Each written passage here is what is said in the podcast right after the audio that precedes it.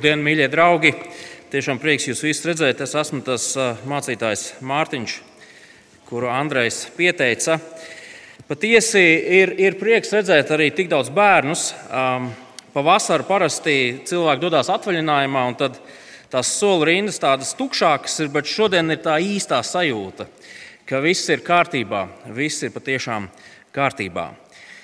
Um, viens no maniem pienākumiem klubiņa laikā bija tā ūdens diena, ko Andrēs jau pieminēja. Man viņa bija jānoorganizē, un līdz pat pēdējiem brīdim mēs, kā vadītāji, tagad jautājam, nē, bišķiņu vēlāk. Uh, mēs, kā vadītāji, līdz pēdējiem brīdim cerējām, ka nu, izdosies, izdosies, bet nu, jūs jau paši saprotat, ka šī pagājušā nedēļa bija tāda ļoti mainīga. Un mēs nobalsojām ejam tajā ekspedīcijā gar Mārupīti. Un kā jau Andrejs teica, plānojam vai neplānojam, dabūjām to ūdens dienu tik un tā. Bet, ziniet, visa mūsu dzīve patiesībā sastāv no daudziem dažādiem lēmumiem un izvēlēm, kuras mums ir jāizdara. No neskaitām daudz izvēlēm. Es pat nezinu, vai jūs kādreiz esat mēģinājuši saskaitīt, cik lēmumus jūs vienā dienā pieņemat. Jūs pamostaties no rīta un jūs sākat pieņemt lēmumus. Cik vienā dienā jūs tos varat izdarīt? Un atbildi ir ļoti, ļoti daudz. Bet vēl viena lieta, runājot par izvēlēm un lēmumiem, ir tas, ka viņi ir reizēm ļoti grūti, pareizi.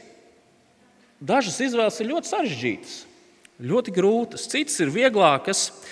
Es domāju, ka varbūt mēs varam, lai mēs saprastu, par ko ir runa, izmēģināt ar bērnu palīdzību to, cik viegli ir pieņemt dažādus lēmumus. Bērni, tagad tie, kas jūs tur savā starpā smuki čalojat, jūs varat pievērsties man, jo es jums uzdošu dažus jautājumus. Ja? Un mēs skaļi nebļausim, bet mēs celsim roku. Mēs negribam, lai izsprāgst stikli. Labi, mēs nebļausim. Es jums uzdošu jautājumu, un uh, darīsim tā, tie, kas, tie, kas uh, izvēlās pirmo lietu, tie paceļ abas rokas uz augšu, tie, kas izvēlās otro lietu, tie rokas uz sāniem. Labi, bērni! Pieaugušie, protams, arī var to darīt. Ja? Tad ceļamies kājās un atbildām ar roku palīdzību uz, uz šo jautājumu. Ceļamies kājās, bērni aiziet, aiziet, nesat jau veci opīši. Ceļamies kājās, klausieties tā. Rokas augšā tie, kuri, kuriem gribās labāk no rīta agri celties, rokas uz saniem, tie, kas grib ātrāk iet gulēt. Agrāk celties, ātrāk iet gulēt. Agrāk celties. Visiem bērniem vecāki, es jūs apsveicu. Sestdienas rītos bērni celsies agrāk. Otrs, otrs, jautājums, otrs jautājums. Ko jūs izvēlētos? Saņemt dāvanas vai dot dāvanas?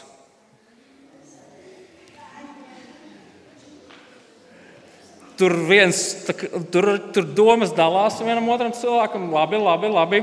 Trešais. Ko jūs izvēlētos? Šis ir ļoti svarīgs jautājums ļoti nopietnas. Deguna vietā ziloņa snuķi vai kaklu kā žirafei.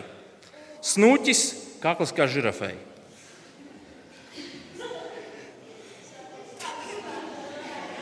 Ok. Labi, labi, labi. Un pēdējais, pēdējais, ko jūs izvēlētos?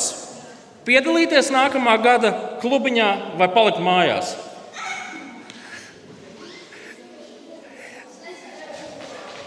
Super. Nu, protams, ka jāpiedalās. Protams, ka jāpiedalās. Paldies! Droši apsēžamies. Draugi, mēs katru dienu izdarām izvēles. Varbūt ne gluži šādas, bet daudzas un dažādas. Bet vēl viena svarīga lieta, kad mēs runājam par izvēlēm un lēmumiem, ir tas, ka katrai mūsu izvēlei ir kaut kādas sekas. Katram mūsu lēmumam ir kaut kādas sekas, kuras mūs var ietekmēt rīt, parīt, aizparīt, pēc gada, varbūt pat visu mūsu atlikušo dzīvi. Izvēlēties žirafes kaklu šodien varbūt ir stilīgi uz vienu dienu, vai ne? Pastaigāt, tā pagraust lapas no augstākiem zariem. Bet iedomājieties, ja jums, ja jums visu dzīvi būtu ar tādu kaklu jādzīvo. Atcerieties, jūsu rokas paliek tikpat īsas kā tagad. Kā jūs aizsniegt savu degunu? Problemātiski. Draugi, patīk jums vai nē, mums ir jāsadzīvo ar tām izvēlēm, kuras mēs izdarām. Un tieši tādēļ, jo svarīgāks lēmums ir jāpieņem, piekritīsiet, jo rūpīgāk mums ir jādomā, kādā virzienā mums izvēlēties un iet. Andrejs jau smuki pastāstīja, ko mēs visu nedēļu esam mācījušies, un, un, un visa cita starpā patiešām tas uzsvars mums bija šajā bērnu klubiņā, kā tādiem pētniekiem, mēģināt saprast, kas Jēzus tāds ir. Nu, kas viņš tāds ir? Kāpēc viņš vispār nāca šajā pasaulē?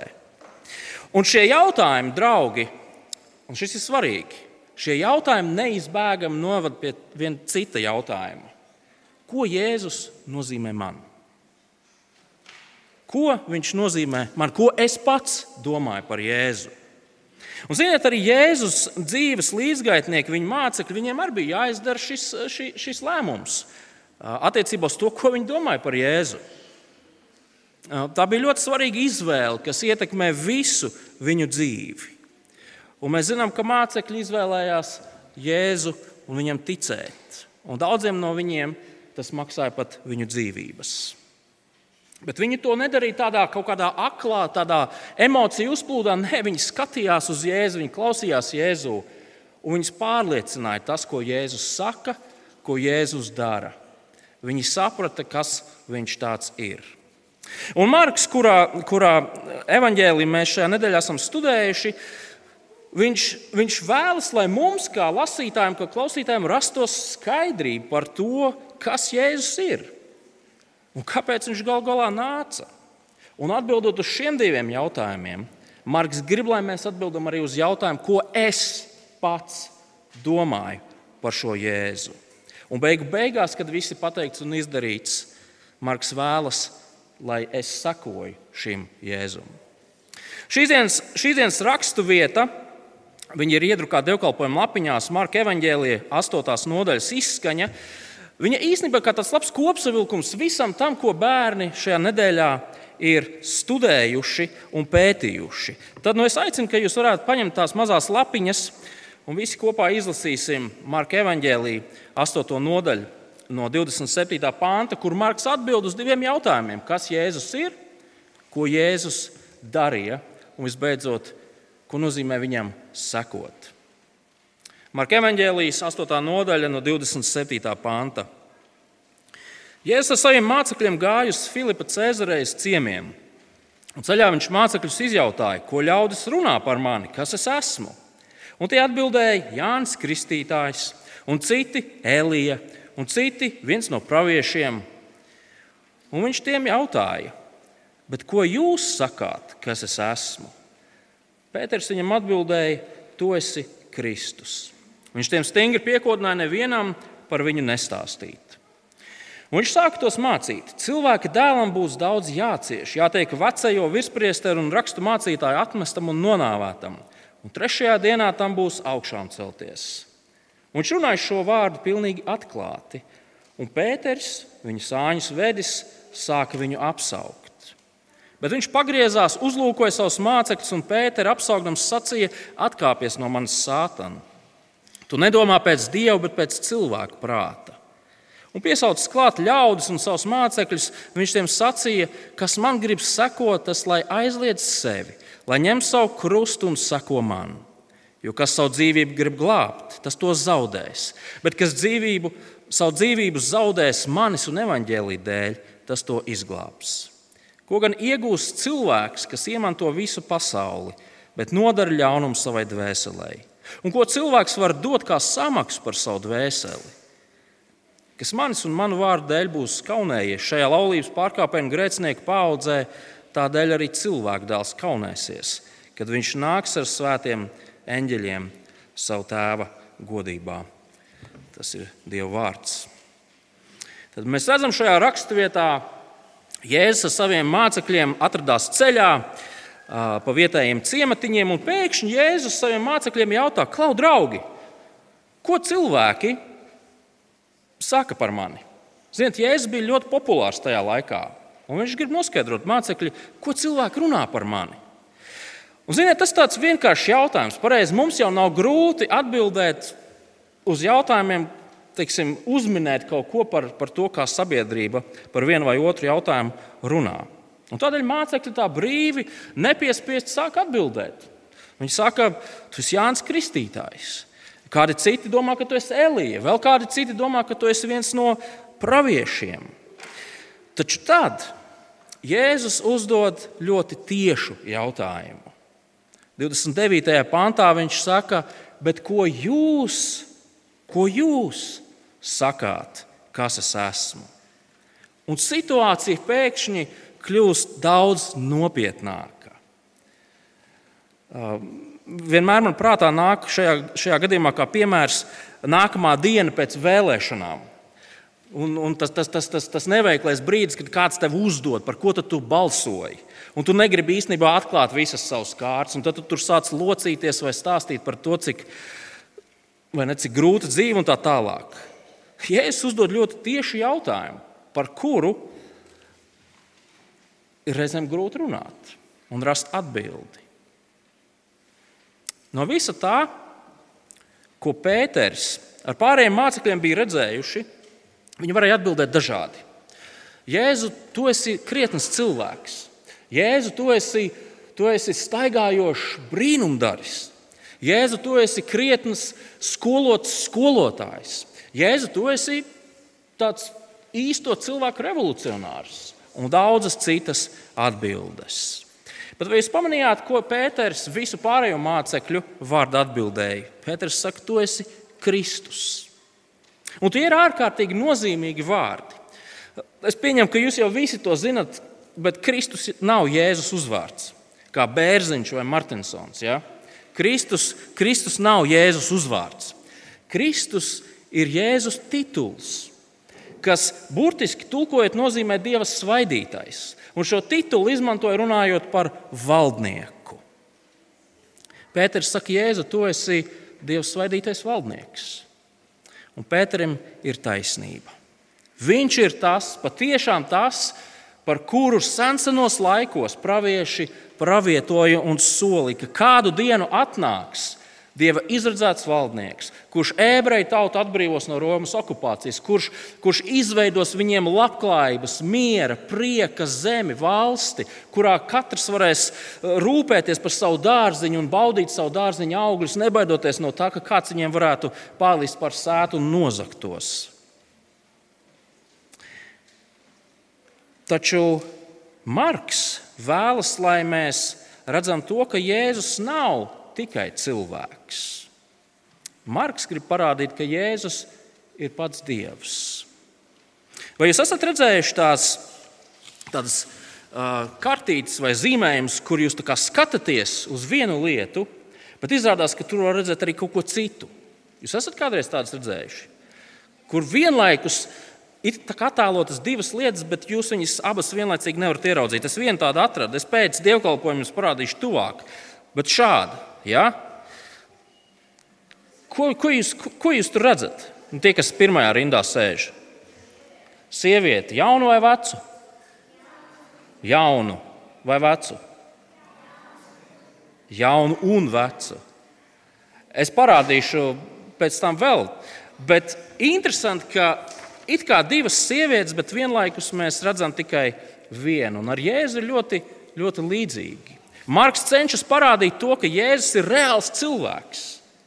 Reāls cilvēks, taču no otras puses pats Dieva dēls. Un lasot Marka evanģēlīju, mēs redzam to ik, ik uz soļa. Mēs redzam, ka Jēzum piemīt absolūta autoritāte pār visu. Tāda autoritāte, kas var piederēt tikai un vienīgi Dievam. Draugi, Jēzus saviem mācekļiem jautāja, Kā tev liekas, kā jums liekas, kas es esmu? Kas es esmu? Un lasot un skatoties Marka evanģēlīja atstāto liecību, mēs redzam, ka Jēzus ir kaut kas daudz vairāk par parastu cilvēku. Jēzus ir Dieva dēls, kurš ir nācis šajā pasaulē kā varants valdnieks. Un, draugi, šis pats jautājums, ko tu domā par to, kas Jēzus ir, viņš izskan arī šodien mums. Viņš izskan visos gadsimtos, un viņš izskan arī šodien. Kā tu atbildētu uz jautājumu, kas ir Jēzus? vai mēs piekristu tam, ko teica Pēters? Un, ja mēs piekrītam, ko tas nozīmē reāli mūsu dzīvē, kā, kas liecina par to, ka mēs saprotam to, ka Jēzus ir Kristus. Un tas mums noved pie otra svarīgā jautājuma. Proti, kāpēc Jēzus nāca? Nu, kāpēc viņš nāca, lai nomirtu un augšām celtos?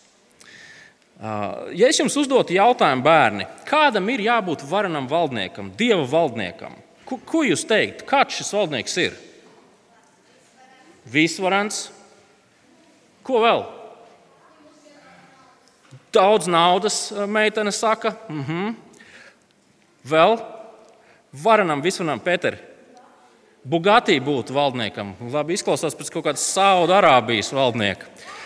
Gudrs, labi. Ka, kas vēl raksturotu varenu valdnieku?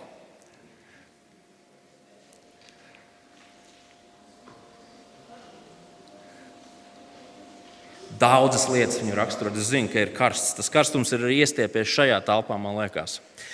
Bet, bet, um, bet Jēzus, šis varenais valdnieks, saka kaut ko ļoti, ļoti neparastu.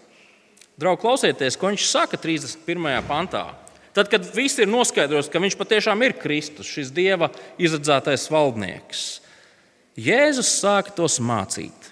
Cilvēka dēlam būs daudz jācieš, jātiek vecajo priesteru un rakstu mācītāju atmestam un nonāvētam, un trešajā dienā tam būs augšām celties. Jēzus, šis, šis Dieva valdnieks, viņš pasaka, klau, draugi, es miršu. Mani spīdzinās, mani atmetīs, mani pienaglos krustā, es miršu. Un trešajā dienā augšām celšos. Un, un, un mēs varam lieliski iztēloties Pētera reakciju. Pēters saka, pa, pa, pa, pa, paga, Jēzu, paga, paga. Kā tā? Jēzus runāja šos vārdus pilnīgi atklāti, un Pēters viņu sānis vedis sāka viņu apsaukt. Pēters nepiekrita Jēzus vārdiem. Pēteram likās, ka, ka Jēzus, būdams šis Dieva apsolītais valdnieks, pats Dievs viņš tiešām tūlīt viņus atbrīvos no okupantu varas, atbrīvos no nemiera, atbrīvos no trūkuma un visām citām sliktajām lietām. Tas ir tas, ko Pēters domāja darītu varenais valdnieks, ar vai bez bugatī. Bet Jēzus saka, ka es esmu nācis cita iemesla dēļ. Jēzus ir nācis, lai dāvātu citu veidu glābšanu. Jēzus apklusina Pēteri, jo Pēteram nebija ne mazākās nojausmas par to, kāpēc Jēzus ir nācis. Jēzus zināja, ka viņam ir jāmirst. Tādēļ viņš nāca. Viņš nāca, lai ar savu nāvi izglābtu cilvēkus, samaksājot par viņa grēkiem, atjaunojot attiecības ar Dievu. Jēzus nāca, lai atdotu savu dzīvību. Bet kāpēc? Kāpēc? Es izmantošu kā ilustrāciju kaut ko līdzīgu. Mēs rādījām arī bērniem. Mums ģimenē, es nezinu, varbūt jums arī, mums piekdienas vakari, ja visi esam mājās, mums ir kino vakari. Ģimenes kino vakari mēs sapērkam neveselīgo pārtiku. Uh, un, un saklājam visu smuki un izvēlamies filmu, kur mēs skatīsimies. Un, un iztēloties, ka es jūs uzaicinu ciemos pie sevis uz mūsu ģimenes kino vakaru un sakat, klau, draugi, man ir viens tāds amerikāņu kases grāvējs, Holivudas tāds ritīgi labais. Saucās Atklāts ir viss - Roberta Smita dzīve. Jūs, jūs, jūs gribētu noskatīties mani? Āsa sižetas, tiešām kā meksikāņu seriāls, filma par Roberta Smita dzīvi. Protams, Visu, ko Roberts ir teicis, darījis, domājis, tas viss šeit ir redzams. Turklāt viss tas, ko Roberts ir teicis, domājis un darījis, tad, kad viņam likās, ka neviens viņu neredz, arī šeit ir redzams. Nabaga Roberts, jā. vai arī bagāts Roberts, mēs nezinām. Draugi, šajā DVD ir pilnīgi viss par Robertu. Tas ir seriāls, ļoti garš seriāls ar, ar, ar, ar, ar, ar spraigu sižetu un arī garlaicīgām epizodēm. Bet, bet mēs, varētu, mēs varētu teikt, ka mums katram ir šāds DVD. Roberta Smita dzīvē, dzīves vietā jūs varat ierakstīt savu vārdu. Pēters Kundaļevičs, viss izgaismots. Vai, vai vienalga, jūs varat izvēlēties jebkuru savu vārdu, un ielikt iekšā. Redziet, šajā DVD ir ierakstīts viss tas, ko mēs, draugi, esam savā dzīvē izdarījuši. Īsajā dzīvē, garajā dzīvē nav svarīgi. Viss ir ierakstīts šajā diskā. Un ne tikai labās lietas, ne tikai tās lietas, ar kurām mēs lepojamies, ne tikai tie mūsu atzinības raksti, kurus mēs liekam pie sienas. Šajā DVD ir ierakstīti arī mūsu sliktie darbi. Vārdi, attieksmes, domas, pilnīgi viss. Un šīs lietas Bībelē sauc grēks. Šis disks ir nenormāli melns. Viņš ir drūms, depresīvs, nepatīkams. Mēs tādu disku nevienam negribētu rādīt. Bībeli saka, ka neviens nav nevainīgs. Mums visiem ir šāds disks, kas pierāda mūsu mainu. Un šis, šis, šī diska saturs, tas mūsu grēks, tas nostājās starp mums un Dievu. Tā kā tāda milzīga siena, milzīgs bezdibenis, kuru mēs nevaram pārvarēt. Tas, tas, tas, tas mūris mūs šķir no dieva. Bet tad atnāk Jēzus. Jēzus dzīvoja nevainojamu dzīvi, viņš dzīvoja bez grēka, viņš nedarīja ļaunas lietas. Starp Jēzu un viņa debesu tēvu bija perfektas attiecības. Un tajā brīdī, kad Jēzus nomira pie krusta, zini, viņš izdarīja, viņš paņēma to DVD uz sevi. Visu, kas tur ir rakstīts, Viņš teica, tas ir mans. Es to uzņemos uz sevis.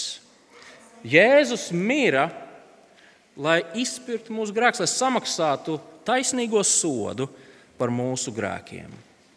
Un ziniet, ko tas nozīmē? Tas nozīmē to, ka tagad, pateicoties Kristum, ja mēs ticam Viņam, starp mums un Dievu ir miers. Jo Jēzus ir samaksājis par šo visu, kas ir šajā mūsu dzīves diskā. Draugs Pēters domā, ka Jēzus ir nācis, lai cilvēkus atbrīvotu no, no verdzības, no okupācijas, no šīs zemes nelaimēm. Un, ja godīgi, tad mēs jau visi šeit sēdošie teikt, nu jā, tās ir lielas dzīves problēmas. Preizi. Karš, Putins, bats, milzīgs karstums, slimības, kas tik vēl ne, tās ir nopietnas problēmas, kas raksturo mūsu šīs zemes dzīvi.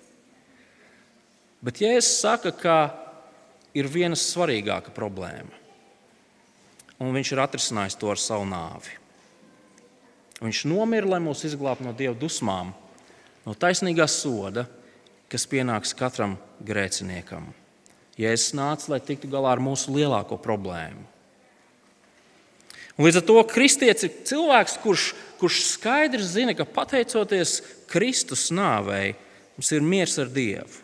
Mūsu grēki ir piedoti.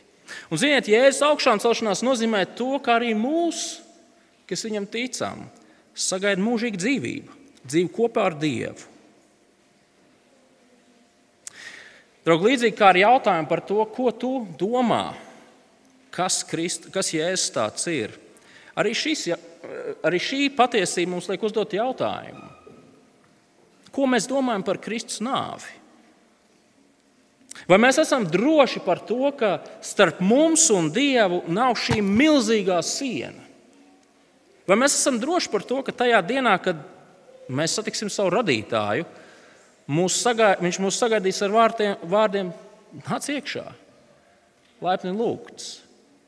Vai tomēr mēs neesam par to pārliecināti? Un, visbeidzot, Jēzus saviem klausītājiem atklāja to, ko nozīmē viņam sekot. Mūsu izpratne par to, kas Jēzus ir, par to, ko viņš ir darījis, kāpēc viņš nāca, tā nav tikai tāda, tāda akadēmiska informācija, kaut kādas zināšanas, kuras mēs izlasām, atceramies, sakam, nu jā, nu jā, nē. Mūsu zināšanas par to, kas ir Jēzus, kāpēc viņš nāca, pieprasa reālu rīcību, reālu lēmumu.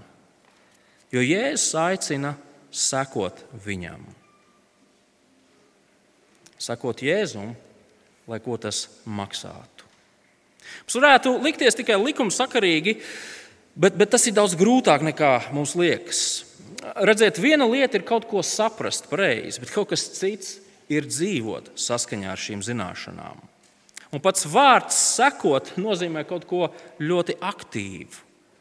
Proti, darīt to, ko vēlas Dievs. Un, ja es saku saviem mācekļiem tālāk no 34. panta, es piesaucu klāt ļaudis un mācekļus, viņš tiem sacīja, kas man grib sekot, tas aizliedz sevi, lai ņem savu krustu un seko man.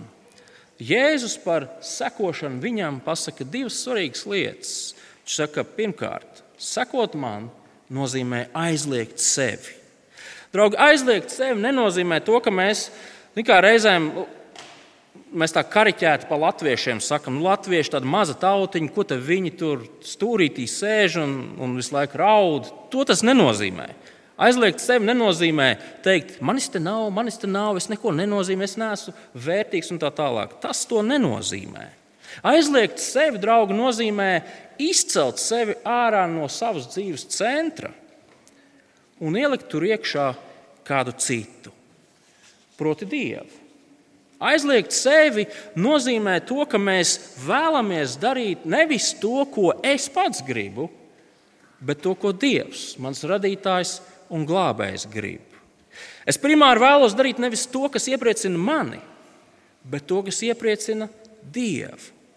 To, ko Viņš ir atklājis savā vārdā. Un, draugi, tas attiecās uz ikvienu mūsu dzīves sfēru. Uz skolu, uz mācībām, paklausību vecākiem, uz mūsu attiecībām, uz mūsu darbu, uz mūsu laulību, uz visu, visu. Tas attiecas uz to, ko mēs darām ar saviem līdzekļiem, ar savu laiku, ar savu spēku. Sevis aizliekšana attiecās uz visām dzīves jomām, uz visiem mūsu sapņiem, uz visām mūsu ilgām.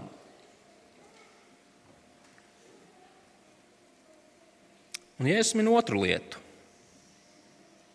ņem savu krustu. Mūsdienās lietojot šo frāzi, katram savs krusts jānes, es nezinu, vai jūs ģimenē tādu lietojat, mēs nelietojam, bet mēs ar viņu saistām, nu jā, nu, Mums ir jāpacieš tādas nepatīkamas lietas. Tas ir tas, ko nozīmē nest savu krustu. Nu, brauks atkal tas brālēns no laukiem ciemos, nu, vai, vai vēl kāds attāls radinieks. Mums viņš šausmīgi nepatīk. Uh, viņš glupības visu laiku runā, bet nu, katram savs krusts jānes. Varbūt mēs, mēs sakām, nu, mums ir kāda slimība. Mēs sakām, nu, tas ir mans krusts dzīvē, kas man ir jānes. Bet patiesībā krusts ir kaut kas ārkārtīgi, ārkārtīgi nopietns. Redziet, tajā laikā, kad Jēzus šos vārdus teica, krusts bija mokurīgs. Ar šo lietu spīdzināja un nogalināja cilvēkus. Tas nebija nekas smieklīgs. Tā bija visnopietnākā lieta. Un Jēzus saka, ja tu gribi man sekot, ņem savu krustu, jeb citiem vārdiem sakot, esi gatavs maksāt. Es esmu gatavs maksāt jebko, lai būtu mans māceklis. Un to dzirdot, protams, mums rodas loģisks jautājums. Kāpēc? Kāpēc man būtu jāaizliedz sevi? Kāpēc man būtu jāņem krusts? Kāpēc šī grūtā, grūtā lieta? Un Jēzus sniedz atbildi šīs dienas atlikušajos pantos no 35. Jo kas savu dzīvību grib glābt, tas to zaudēs, bet kas savu dzīvību zaudēs manis un evaņģēlī dēļ, tas to izglābs. Ko gan iegūst cilvēks, kas iemanto visu pasauli, bet nodara ļaunumu savai dvēselē? Un ko cilvēks var dot kā samaksu par savu dvēseli? Kas manis un manu vārdu dēļ būs kaunējies šajā laulības pārkāpuma grēcinieku paudzē, tādēļ arī cilvēka dēls kaunēsies, kad viņš nāks ar svētiem eņģeļiem savu tēva godībā. Šajos pantos Jēzus min pārliecinošu iemeslu, kāpēc šāda sekošanas maksa, lai cik tā arī nebūtu grūta, viennozīmīgi ir tā vērta. Draugi, es jums uzdošu vēl pēdējo jautājumu šodien. Kas jums, jūsu dzīvē, bērni, ir vissvarīgākā lieta, kas jums pieder? Vissvarīgākais, kas jums pieder? Vienalga, ko tu uzskati par tādu ritīgu vērtību. Jā. Ģimene, ģimene ir svarīga. Jā. Dievs, Pēteram ir pareizi atbild rokā. Kas vēl? Timotejam Miezītim ir Jānis Priedītis, vissvarīgākā lieta. Labi. Kas vēl? Filips, saki. Ģimene. Nu, ģimene, jā. Kas vēl? Kurš teiks LEGO, kurš teiks bombonkas? Nintendo Switch, telefons. Saki, arfa? Arfa. Negaidīju tādu atbildi, bet arfa ir vissvarīgākā, visvērtīgākā lieta. Ļoti labi. Duba. Duba. La. Truba. Duba. Tas ir mūzikas instruments. Nē, ne, ne truba, tuba. Nu, vēlreiz saki. Nintendo Switch ir vairākiem. Jā, vissvarīgākās, visvērtīgākās lietas. Nu, tieši tā, draugi. Nu, telefons, jā. Draugi, mums katram ir svarīgo un vērtīgo lietu saraksts. Sākot ar ģimeni, draugiem, skolas biedriem, ar kādam draugam, ticību dievam, kādam citam Bugatti, miljons, switch, tūba, arfa. Kas tik vēl nedraugi? Un cilvēki mūsdienās, arī pieaugušie, nezinu, mēs varētu tādu līdzīgu aptauju veikt starp pieaugušajiem, un tur arī būtu līdzīgas lietas. Varbūt kādam māja pie jūras, miljonus kontā un tā tālāk, un tā joprojām. Bet Jēzus pasaka, klausieties, Jēzus uzskata, ka visvērtīgākā lieta, kas cilvēkam pieder, ir viņa dvēsele. Ja mēs pazaudējam savu dvēseli, mēs to nevaram atgūt par nekādām pasaules bagātībām. Dvēseli nevar iemainīt ne pret ko. Redziet, tas nozīmē, ka Jēzus var nozīmēt to, ka ar nāvi nekas nebeidzas, draugi. Ar šīs zemes dzīvi nekas nebeidzas. Pēc šīs zemes dzīves sako mūžība. Un Jēzus vēlas, lai cilvēki paceltu acis no rosīšanās šajā pasaulē un paskatītos uz to, kas stāv aiz šīs pasaules. Un likmes ir daudz lielākas nekā mums var likties.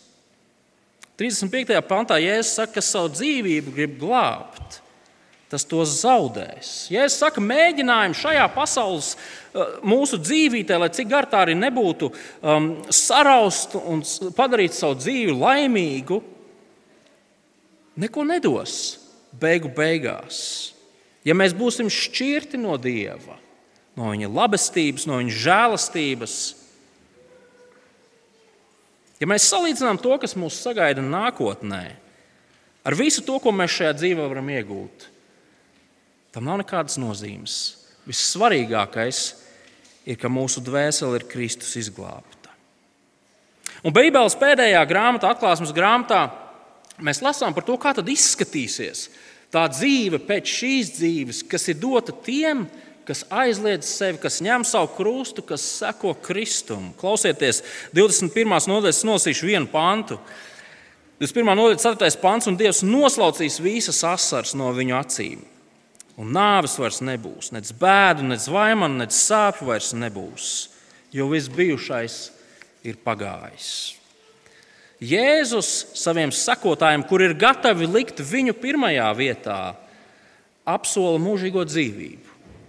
Mūžīgo dzīvību, kurā vairs nebūs nekādu žēlabu, nekādu nepiepildītu sapņu, nekādu sēru un bēdu par aizgājušiem tuviniekiem un draugiem, nekādu baiļu, nekādu rūkumu, nekādu salauztu sirdžu, nekādu slimību, nekādu šaubu, nekādas mazvērtības nekāda grēka.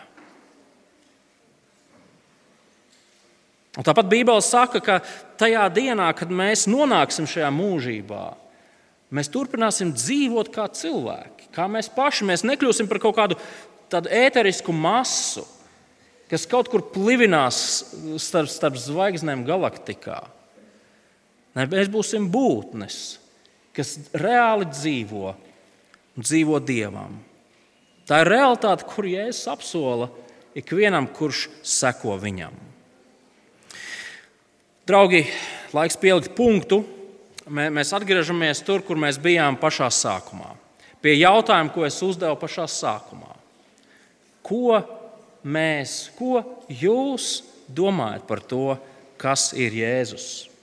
Ko jūs domājat par viņa darbu, par to, kāpēc viņš nāca, kāpēc viņš mira, kāpēc viņš augšām cēlās. Mums visiem šis jautājums ir jāatbild. Ko mēs domājam par Jēzu? Un es zinu, ka daudz šeit klātesošie uz šo jautājumu atbild tieši tāpat kā Pēters, bet ar dziļāku izpratni. Jēzus ir Kristus, kurš ir nācis, lai mirtu un mūs glābtu no, no, no grēka un, un dāvātu izlīgumu ar Dievu. Ja tie esat jūs, šī raksturvieta, ko mēs nu pat kā lasījām, viņi mums, mums aicina turpināsim turēties pie šīs pārliecības. Turpināsim ticēt, turpināsim par spīti visam tam, kas ar mums šajā dzīvē var notikt. Šī raksturvieta mūsu kristiešus drošina un spēcina. Bet varbūt šeit ir kāds, kurš par šīm lietām nekad agrāk tā nav domājis. Mēs varbūt saprotam, ka šīs lietas varētu būt svarīgas, bet, ja godīgi, tad savā ikdienas skrējienā vai nu nav bijis laiks, vai vēlme par tām padomāt. Ja tas esi tu, tad projām ejot foijē, droši paņem līdzi uz mājām kādu no evaņģēlījiem, vai Jāņa vai Lūkas evaņģēlīju, un izlasi. Un lasot, padomā par to, ko šie evaņģēlīja autori atklāja par to, kas Jēzus ir. Un beig beigās izdara secinājums arī priekš sevis. Vai varbūt šeit ir kāds, kurš par šīm lietām daudz domā, un jums ir daudz jautājumu? Šī draudzene ir vieta, kur jūs varat nākt un rast atbildes uz saviem jautājumiem. Tādēļ droši to izmantojiet. Es beigšu runāt, noslēgsim ar nelielu lūkšanu, un tad um, Andrejs nāks priekšā un pastāstīs, kas notiks tālāk. Lūksim! Labais dabas tēvs patiesi! Mēs esam tik pateicīgi par to, ka tu sūtīji savu dēlu šajā pasaulē, lai viņš mirtu, samaksājot par mūsu grēkiem. Šajā pasaulē nav neviena, kuram nevajadzētu šo tevis dāvāto glābšanu. Un tādēļ mēs pateicamies, ka tā ir pieejama ikvienam, kurš sauc uz Kristu. Un mūsu lūkšana ir, lai mēs, tavi ļaudis, varētu šīs patiesības stiprināt, turpināt dzīvot savu dzīvi. Tad, kad ir viegli, tad, kad ir grūti, lai mēs ne pa labi, ne pa kreisi nenovirzītos no sakošanas tev. Un mēs lūdzam arī par tiem, kuri varbūt par šīm lietām nav domājuši, vai kuriem ir kādi jautājumi. Tēvs, ļauj mums neatslābt tik ilgi, kamēr mēs neesam atraduši atbildes uz šiem svarīgiem jautājumiem. Tās mēs pateicamies par, par visām lietām, kuras tu mums esi šajā nedēļā mācījis bērnu klubiņā un lūdzam, lai šīs lietas paliek mūsu sirdī, mūsu prātā, un ka mēs tās varam pārdomāt arī savas dzīves nākamajos nedēļās, mēnešos un gados. Lūdzam, Kristus vārdā. Amen!